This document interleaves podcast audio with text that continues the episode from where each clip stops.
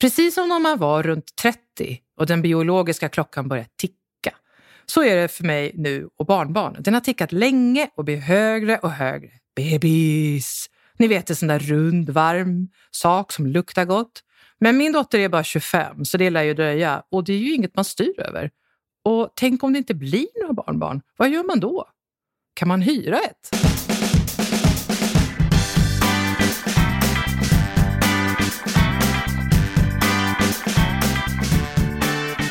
Varmt välkomna till 50-podden, ett program om, med och för kvinnor kring 50. Och dagens avsnitt handlar om barnbarn. Ulrika, du och jag, vi kan ju inte prata utifrån våra erfarenheter för vi har ju inga barnbarn Nej. helt enkelt. Nej. Men eh, jag vet att, eller, och det förstod vi ju på din lilla introtext, att du är väldigt sugen. Ja, jag har Mm. längtat länge. Mm. Lite ologiskt för att det är ju alldeles för tidigt, men det vore så himla mysigt. Eh, och jag tänker mycket på vad som händer om det inte blir barnbarn och vad gör man då? Ska man skaffa sig en hobby? Eller? Ja, nej, men jag har tänkt mycket på det. Mm. Mm. Och du då? Jag har ju hunnit tänka jättemycket. Min äldsta son är ju 35. Eh, och jag kan tycka att det är lite surt att man inte kan bestämma när man vill. Eller när man, när man liksom får barnbarnen. För jag vill ju ha dem nu. För mitt, mitt värsta är nog att det, jag ska bli för gammal och inte orka vara den farmor och mormor som jag vill vara. Ja, för valfriheten är ju absolut noll. Jag menar, vi styr så mycket av alla andra, vilka bredband vi ska ha och vad vi, vilka jobb vi ska ha. Och sen i det här fallet så styr man ingenting. Om det blir, när det blir, man är bara i helt händerna på sina barn. Mm, mm. Ja, det är verkligen en av de relationer ja, som man bara hamnar i. Ja, Ja. som man inte kan göra någonting om. Men då har ju vi eh, gjort så att vi har bjudit hit en person som har erfarenhet av att eh, ha barnbarn och vara farmor. Välkommen, Maria Alderin. Tack. Du, den första frågan till dig ska ju vara som alltid i det här programmet. Kniper du när du nyser? Ja. Ja, det är bra. Okej, för annars kissar du på dig helt enkelt. Ja, Ja, Mm. kanske. Som vi andra. Precis. Du, du var faktiskt ganska ung. Du var 47 ja. när du blev farmor. farmor. Mm. Mm. Och du har ju hört att vi har ju funderat en hel del på det redan. Eh, hade du hunnit tänka på något? Något hur det skulle vara att bli Nej. farmor? Nej, nej, nej, det fanns inte i min värld. Inte på min världskarta. Och eh, det var lite roligt för Douglas hade precis eh, fyllt 20 och så var det här en försenad 20-årspresent. Han skulle få hoppa fallskärm uppe där i Grytjom. Och någon gång måste jag ju ha sagt att eh, ja, men när jag blir farmor då ska jag flytta till Norrtälje. Eh, vilket jag hade väl säkert slängt ur mig någon gång vid något tillfälle och tänkte att det händer ju när jag är pensionär eller något. Och när han landade och vi sprang fram och sa grattis Douglas och då sa han det här var det bästa jag har gjort med byxorna på. Och så fick jag ett kuvert med sån här prospekt på lägenheter i Norrtälje. Jag bara, Alltså, vad, jag ska inte flytta till Norrtälje. Jo, sa Dogge. Nej, nej, nej, det har jag ingen tanke på. Ja, men du ska ju bli farmor. Och jag fattar ingenting. Jag bara, nej, du skämt. Och Sofia stod där. Ja, jag var helt chockad. Jag tror jag fick lite så här åldersångest eller något då. Ja, för det undrar jag. Fick du det tror du? Ja, det är absolut. Mm. absolut. Vad hände då i dig liksom? Ja, men jag började titta på hur jag såg ut. Eh, och vid det jag hade kämpat i flera år för att låta mitt gråa hår växa ut. Jag tänkte det kan ju vara bra att så, slippa färga håret stup i kvarten. Även om jag är frisör så kommer jag ju alltid själv i sista hand. Så att eh, håret åkte tillbaks direkt till att bli mörkt. Det åkte på lite smink och det började tränas. Så ja, jag tror att det varit lite så här, "Äh, hjälp, inte Mm. farmor ännu, när jag inte ens har fyllt 50. Nej. För vad tänkte du, hur är en farmor? Ja, men en farmor är som Bamses farmor eh. På berget. på berget.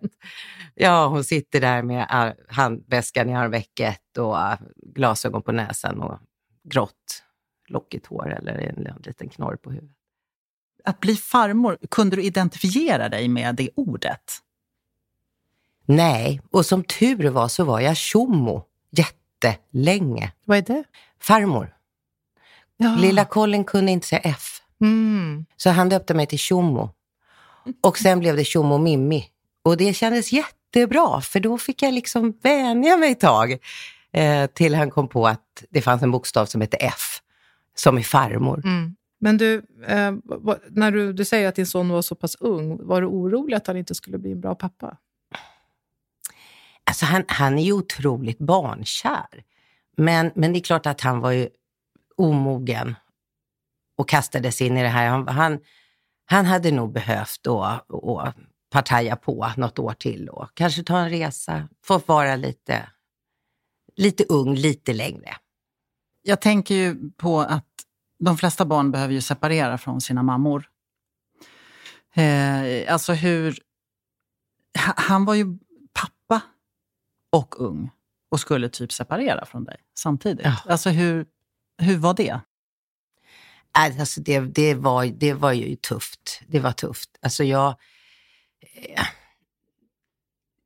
jag levde själv i en väldigt dysfunktionell relation med barnens pappa. Så när vi skilde oss så vi satt ju ihop i flera år. Och jag tyckte du och nog, barnen? Jag och barnen. Eh, alltså jag levde för dem bara i flera år. Eh, så när, när Dogge då skulle brytas, alltså jag var inte beredd på att bli farmor och jag var inte beredd på att han skulle bryta sig lös. För det gick ju fort. Han var ju 19 när han träffade Sofia och sen så blev han pappa vid 21. Så att det delade ju att flytta hemifrån hela den här grejen. Eh, så um, alltså han blev nog arg. Det var nog det enda sättet för honom att få mig att backa lite. Och, eh, och jag åkte till Norrtälje och vi bråkade och grät och jag satt i bilen och grät på vägen hem. Och han, han sa någon gång så här, ja, ska du ta med dig kudden också när det kommer? Eller sådär. Nej, jag hade inte tänkt att flytta in. Jag hade bara tänkt att få träffa dig och mitt barnbarn. Ja, det var jättejobbigt. Uh. Vad, vad ville han med det där då? Nej, men han var ju tvungen att, att liksom back, alltså han var ju tvungen att slita sig från mig. Jag var ju tvungen att slita mig från honom. Han skulle, har ju fått en egen familj eh, och skulle vara pappa och, och så. Hade han, alltså, kan du se så här i efterhand att, han, att du var för på? Att, han, att hans bortpuffande var mm, befogat, så att säga? Det kanske jag var. Och jag ville väl inte släppa heller, eh, för att det gick så fort allting. Eh, sen är jag ju envis och, och liksom trycker på då att nu ska vi ses och, och han kunde inte. Och, jag vet att Sofia sa att ni kan väl komma hem och käka middag på vägen från landet och så ringde de och sa nej, det blir ingenting. Det går inte. Jag är inte hemma. Så, så det, det och han sa till mig, så här, men du är ju inte som min mamma. Du, du, du, är, du har blivit annorlunda. Och, han liksom, och då blev ju jag ledsen och försökte vara mer mamma, som att jag inte räckte till som mamma. Medan han bara så här, jag vill, kan du gå nu? Mm. Men du, jag blir lite nyfiken då när du säger att, att eh, ja, ni hade det lite trassligt och att det, han behövde puffa bort och så. Vad stod din svärdotter i allt det här då? Nej, men hon, hon var väl den som höll ihop. Hon var den som, och jag är så glad att jag har en egen relation med Sofia, att vi kommer så bra överens. Att jag har ju heller aldrig haft någon svärmor. Nu är jag gift för andra gången, jag har inte haft någon svärmor i mitt, vare sig i mitt första äktenskap eller andra äktenskap, så det har jag ju ingen erfarenhet av. Jag har ju aldrig kunnat ringa till min svärmor och fråga eller söka stöd, men det, det, Sofia gjorde det. Vi utvecklade vår egna relation och ehm, sa men då kan väl du åka ut till Blidö, även om inte Douglas är med. Så, eh, ja men, och det var ju som sagt hon som bjöd in på middag och det var Dogge som sa att nej, det blir ingen middag. Jag tänker så här, man får ju barnbarn oavsett hur förberedd man är eller när man vill eller inte vill. Men man väljer ju inte sina, sina, sin svärdotter eller svärson. Vad händer om man inte tycker att det känns bra, om det inte är någon som är bra? Ja, det kan ju säkert, säkert ta en ände med förskräckelse. Jag har ju haft eh, extrem tur. Alltså jag är ju helt eh, jättelycklig i min relation med Sofia. Hade det inte varit för henne så vette sjuttsingen eh, hur det skulle gå. Men, eh, Nej, men man, man, man, jag tror man är tvungen att liksom öppna sitt hjärta. Har Douglas eller min andra son Rickard, de tjejerna som de väljer, de är jag ju liksom, ja, jag får ju älska dem också. Jag har ingen val. Och sen hade jag tur och fick en pärla. Har man så här tankar om hur de uppfostrar och sådär? Är det något det går att tänka på? Nej. Att jag skulle ha gjort det på ett annat Jag skulle inte ha gjort sådär eller lägger sig i eller... Nej, det hoppas jag att jag inte gör, men jag vet inte. Nej, jag, jag, det, det har, har, tänker jag aldrig på. Nej. nej, du, har, du har aldrig haft några åsikter om Nej. hur de uppfostrar ungarna? Nej. Nej. Nej, jag bara, alltså deras uppfostran tycker jag, jag det är två pärlor. Mm. Om du hade åsikter, skulle du våga säga det? Nej, tror jag inte. jag tror jag inte. Men vi lever ju också flera månader på sommaren så nära. Så att de hade säkert märkt om jag hade försökt att styra. Liksom, så. Mm. Eh, Och jag tror inte jag gör det. För jag tycker inte att jag behöver det. Jag läste någonstans att det var flera som upplevde att man var bättre mormor och farmor än mamma. Hur känner du runt det? Ja, alltså man har ju mer tid. Alltså när jag träffar mina barnbarn så behöver inte jag diska, städa, tvätta, utan då kan jag vara med dem.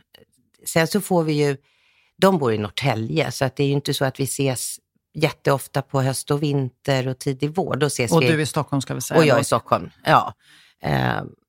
Eh, sen så har ju vi vår lilla sommarstuga ute på Blidö, så att vi brukar åka hem på söndagarna förbi Norrtälje och ta en puss, som vi säger. Mm. Är ni hemma så kommer vi och tar en puss. Ehm, s- men eh, på sommaren så, så blir vi ju nära och lever i ett hushåll. Um, vad var frågan?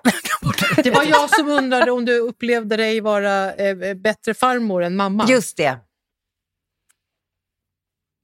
Nej, nej, nej. Jag är nog som jag är. Även om jag inte är så bra på att leka. Eh, Så, vi leker inte så mycket. Jag tycker mer att kom och hjälp mig att kratta. Och nu gör det här. Jag är inte heller så bra på att leka. Jag undrar om jag blir det när jag får barnbarn. Jag brukade plocka legobitar åt dem. Ja, jag men- behöver en röd trea. Ja, just raff, Sortera legobitar. Ja, just det. Så var det. Ja. Men lekande tycker jag är svårt. Mm. ja, det är inte lätt. Mm. Men eh, apropå då att de bor inte så nära dig. De bor ju mycket närmare Mormor. mormor. Ja. Har du varit avundsjuk på det? Ja, Mm. För mormor får ju den liksom dagliga, hon, blir de sjuka på, på skolan eller förskolan så är det ju mormor som springer och hämtar. Och jag kan inte åka från Stockholm upp till Norrtälje för det tar ju sin stund. Mm. Ehm, så där är finns ju inte jag. Och det är ju en sorg, för det, jag skulle vilja ha väldigt mycket närmare till dem i vardagen. Så. Men är det skillnad, tänker du, att vara mormor och farmor? Ja, det tror jag. Mm. På ett sätt då? Ja, men dotter och, och, och mamma. Ehm, och det tänker jag ju också om jag tänker tillbaka på min mormor som kom farandes ofta och, och, ehm, och fanns. Och det fanns min farmor också. Men henne var man mer och hälsade på. Nej, jag tror att mormor är lite närmare. Mm. Även om jag inte känner mig långt ifrån, för det gör jag inte. Men hur tror du barnen, alltså barnbarnen, upplever eh, någon skillnad? Ja, ja det tror jag. Eh, för att mormor, och, och det är lite roligt för när vi börjar umgås intensivt på våren, när vi bor eh, varje helg och, semestrar på Blidö, så den första veckan så heter jag ju mormor. Och på hösten när de kommer hem till Norrtälje igen så heter mormor farmor. Och så behöver man en äldre kvinna och då blir det någon Ja, den som står, mormor. som den som står där. Ja. Mm. Apropå äldre kvinnor så läste jag någonstans att människor är i princip den enda djurarten som inte är fertila tills de dör. Alltså elefanter och apor och så, de, de, de kan ju få barn tills de dör. Och att eh, de- den här artikeln så stod det att det måste ha skett då efter många års av mutation. Men det är liksom människornas eh, superkraft. Att vi har haft äldre kvinnor som kan ge de yngre kvinnorna och barnen och ta hand om familjer och så. Så att mormor och farmor är liksom superviktiga för människornas överlevnad. Mm. För jag tänker att det, att det ska finnas, för så har jag tänkt runt min familj, att det ska ske någon slags skifte. Man slutar ju inte att vara mamma, men fokusen att vara mamma går över till att bli mormor eller farmor. För det är där det behövs nu och då kan, för då ska ju också ens barn ha blivit stora. Mm. Um, att det blir någon slags skifte. Och vad tänker du händer om det inte blir något skifte då?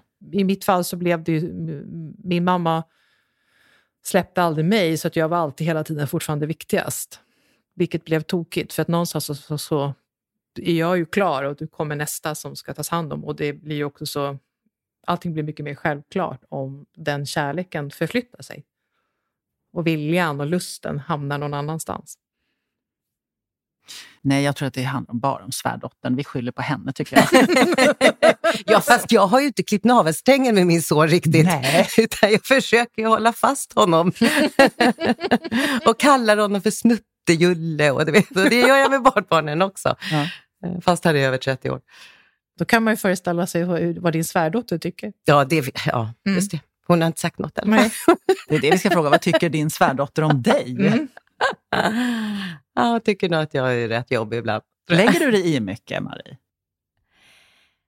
Lägger, ja, alltså jag, inte, jag försöker inte styra. Alltså det är inte så där så att jag tycker att, att de uppfostrar eller så, men, men eh, när vi är på landet så tycker jag ju att åh, nu ska vi göra det här tillsammans. Och jag har tänkt ut en lunch som vi kan med oss på skäret. Och, ska vi inte göra det? Och jag, ja, kan, vi inte, kan inte vi? Och då så får min man säga att eh, alltså, backa lite. Det är nog bra att backa lite ibland, för de är en egen familj. Du är liksom inte...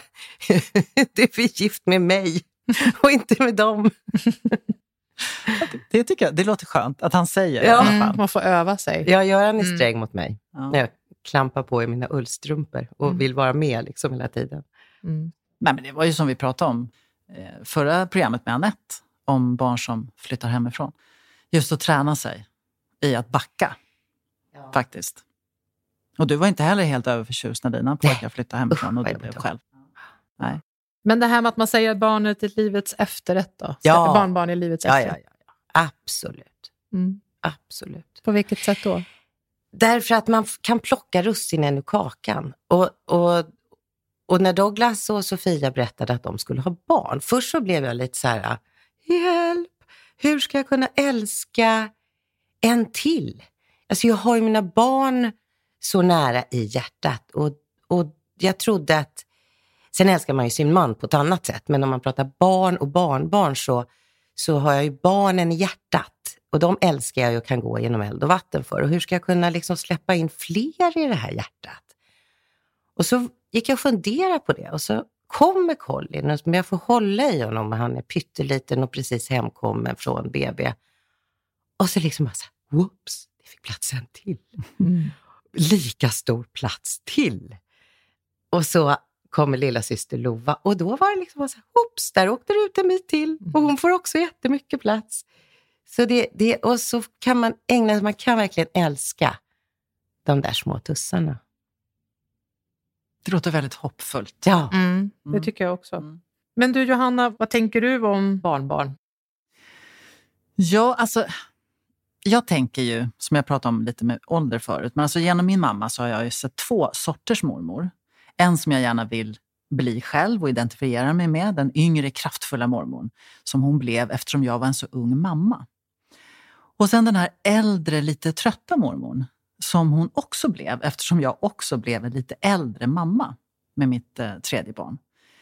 Och det är ju den där yngre, tuffa mormon som jag ser framför mig.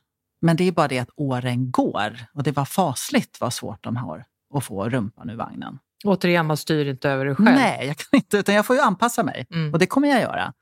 Men jag har ju sett mig själv som en ung mormor. Eftersom jag fick barn så tidigt så har jag tänkt att, eller en ung farmor menar jag, det hade jag blivit då först. Men ja.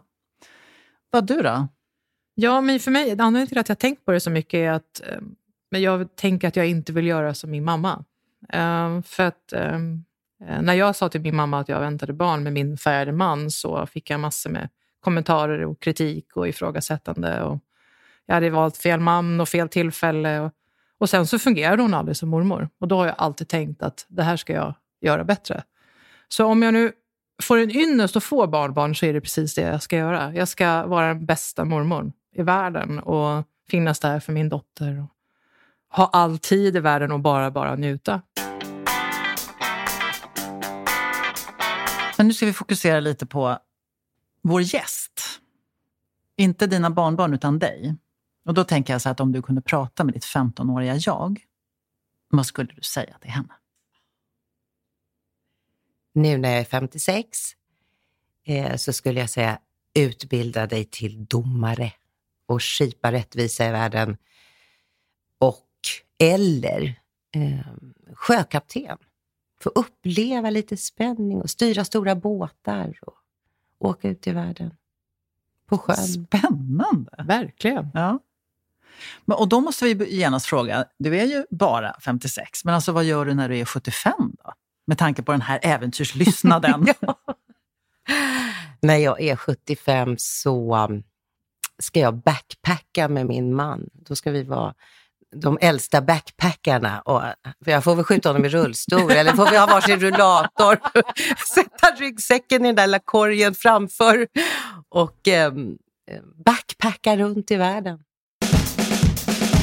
Ja, arga tantens nedslag i medievärlden. Och idag så har jag läst damtidningar och blivit upprörd igen. Synen på den lite äldre kvinnan som vi har pratat om när man blir äldre, farmor, mormor, är ju en grå liten tant. Fortfarande. Vad är det egentligen? Damtidningen som riktar sig till kvinnor 40 plus har i ett nummer närbild på olika kvinnors snippor. Och i flera nummer sexnoveller. Min första fråga är, vill vi verkligen se bilder på snippor? Eh, men ja, det är ju en annan diskussion kanske. Och så tidningen för kvinnor 55 och uppåt. Då är det stickningsbeskrivningar, massor av korsord och kärleksnoveller. Så när man är 55 plus, då vill man läsa kärleksnoveller. Det är väldigt konstigt tycker jag, för jag har aldrig läst en kärleksnovell i hela mitt liv. Men det kanske bara magiskt poppar fram den dagen man fyller 55. Det vet man ju inte. Och varför pratas det inte om sex när man blir lite äldre? Det är väl då man kan behöva läsa en sexnovell så man får igång sig lite och blir lite mindre torr pappkartong. Och vem har sagt att alla 55 plus kvinnor vill sticka och lösa korsord? Ja, jag vill i alla fall hellre läsa om sex än att sticka. Men du, nu är inte det aktuellt i ditt fall, men om man nu inte skulle tycka om sitt barnbarn, alltså, får man säga det då eller får man tycka det? Eller? Ja, den är krånglig. Ja, det är krångligt. Och jag ser inte varför man inte skulle tycka om sitt barnbarn. Och kanske om man inte tycker om sin son, så kanske man inte tycker om sitt barnbarn. Men det är ju också konstigt att inte tycka om sina barn. Mm. Men tror ni, tror ni inte att det kan påverka mycket, just som vi var inne på förut, det här med partner? Alltså barnens val av partner. Tänk om det, alltså, i det här fallet för dig, då, om din son skulle ha träffat en kvinna som du har jätte, jättesvårt för. Och att det lägger en enorm belastning på relationen och då även på barnbarnen. Att det blir väldigt krångligt. Jag tänker att många kanske har det så. Ja, ja jag är ju ofantligt lyckligt lottad. Men det är klart att skulle Douglas ha träffat ett pucko så skulle det kanske lägga sordin över relationen till barnbarnen. Mm. Men du har eh, barnbarnen förändrat din eh, relation och din syn på din son? Absolut, det har de. För som sagt, det började ju lite omoget och ungt. Ehm, de fick två barn ganska tätt. Ehm, så, så livet kom ikapp dem. De separerade i ett år ungefär, skulle jag tro att det var. Inte alltså de, de, de behövde en andningspaus. Det var inte så att de inte träffades, för det gjorde de hela tiden. Eh, Douglas blev förkrossad och då började vi bygga om på nytt. Jag hade jättefina samtal, vi kom varandra nära. Han började liksom prata känslor och landade i skorna. Han fick ta ansvar. Han fick, hade ju varannan vecka eh, med hela disken och tvätten och allt vad det innebär. Jag är en kvinna på 25 år utan barn. Jag börjar nu känna att jag är redo för att skaffa barn och ser fram emot den resan. Um, men har nog kanske inte riktigt varit där tidigare. Min mamma däremot har varit redo för barnbarn sedan jag var 18. Eh, alla hus vi har flyttat till, alla landställen, eh, alla resor vi har gjort så har det alltid påpekats att sen när du får barn, sen när du har din egna familj, sen när jag blir mormor. Jag tror att min mamma gjorde mig redo till att skaffa barn mentalt innan jag ens själv var redo. Jag vet faktiskt inte om jag hade varit lika taggad på att skaffa barn om det inte hade varit för mamma. Hon har på samma sätt också velat bevisa att hon ska bli en bra mormor. Eftersom att vi har haft problem med den mormor som jag hade, hennes mamma. Men utan mamma så tror jag som sagt inte att jag hade varit så pass redo att skaffa barn. Eftersom att min mamma var så redo för att skaffa barnbarn. Alltså, vad, vad tyckte din mamma Marie? För hon levde ju och var ganska pigg och glad då när hon fick barnbarnsbarn. Eller, ja, ja, mm. ja, just det. Blev det någon, blev, hände det någonting i relationen där? Det var lite roligt för han, han kallade mig då för Tjommo i och med att han inte kunde säga F. Och, så han döpte gamla mormor till Gamla Tjommo, Gamma Tjommo. Och han kom farande, så han var första, han skulle springa upp till Gamma Tjommo, Gamma Tjommo. Så hon, hon piggade nog på sig där ett tag. Hon var viktig. Mm.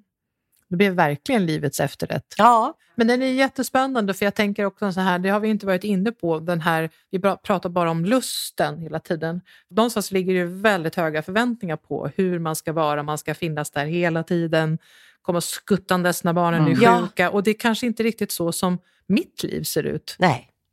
Alltså, under det här samtalet, du är ju väldigt, väldigt positiv till ja. att vara farmor. Ja. Och du är väldigt positiv till din relation till din son. Men finns det någonting du skulle säga har varit lite som Ulrika var inne på här, man är tagen för given? Ja, jag, jag kanske eh, motade Olle i grind lite grann genom att säga jag vill gärna vara barnvakt och jag finns här för er, men ta mig inte för given. Fråga mig alltid först. Ja, men just som, precis det här att inte bli tagen för given, utan att man faktiskt, precis som vi frågar snällt om de kan eh, hjälpa till med någonting vad det är, så får, får ju de också fråga oss och inte bara förutsätta att vi kommer springande. Kom, nej. nej. Det kommer jag göra ändå, men i alla fall. Nej, jag kommer säga nej Ulrika, säger jag till dig.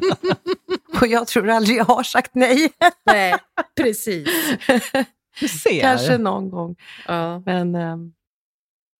men de har inte heller tagit dig för given? Nej, det har de inte. Nej. Nej. Eftersom du styrde upp det från början. Tänker mm. mm. Men du, jag, tänkte, jag måste också fråga bara, har du något tips till folk som får barnbarn? Ja, vet jag inte. Jag tror man ska vara sig själv. Alltså det är ju svårt att, att gå och ta på sig en roll. Att man säger, åh nu, nu ska jag träffa mina barnbarn, nu tror jag på med farmor-kappan. Eh, för det, det, det, blir ju, det skiner ju igenom. Utan man, nej, jag, man får vara som man är. Det tror jag blir bäst.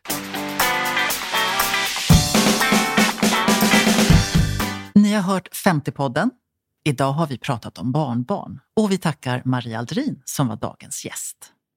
Och om du har ett ämne du vill att vi ska ta upp eller en historia du vill berätta så kontakta oss gärna på mejladress 50podden gmail.com eller Facebook 50podden. Vår proffstyckare Maria Masumi ringde som vanligt in på telefonsvararen. Ljudtekniker Hans Fredriksson. Slut för idag. Tack för idag. Hej Johanna och Ulrika! Nu är det ett par år som jag längtar ofantligt mycket efter barnbarn. Främst av egoistiska skäl. Eh, jag fick barn, bara ett enda, allt för tidigt och fick bli vuxen fort och gå miste om att leka och busa genom livet som många av mina jämnåriga vänner gjorde. De skaffade pojkvänner, reste över hela världen, gjorde karriär innan de satsade på barn och familj. Samtidigt var jag ny i Sverige, äktenskapet var nytt, mycket infekterat, språket var nytt, landet var nytt. Jag behövde arbeta och studera och så vidare. Så det krävdes ganska mycket ansvar av den lilla mamman.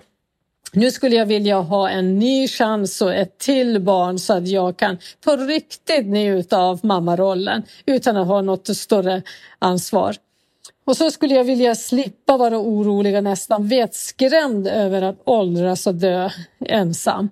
Den tanken har jag haft i många år och jag tror att det är många immigranters farhåga när de eh, emigrerar på egen hand och har lämnat hela sin familj i sitt eh, gamla hemland. Jag känner att jag, trots den stora längtan till barn, var under en period lite orolig över att gå miste om tvåsamhet och kärlek om jag blev farmor.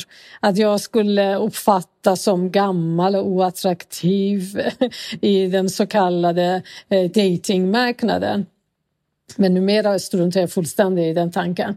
Eh, jag har en annan eh, bekännelse förresten. Att när jag sitter hemma och dagdrömmer fantiserar jag om att när jag går ut med det där lilla barnet i barnvagn eh, i parker och i affärer tror folk att jag är mamma till den där lilla bebisen och inte farmor. Och av den tanken känner jag mig löjlig road. Tack och vi hörs!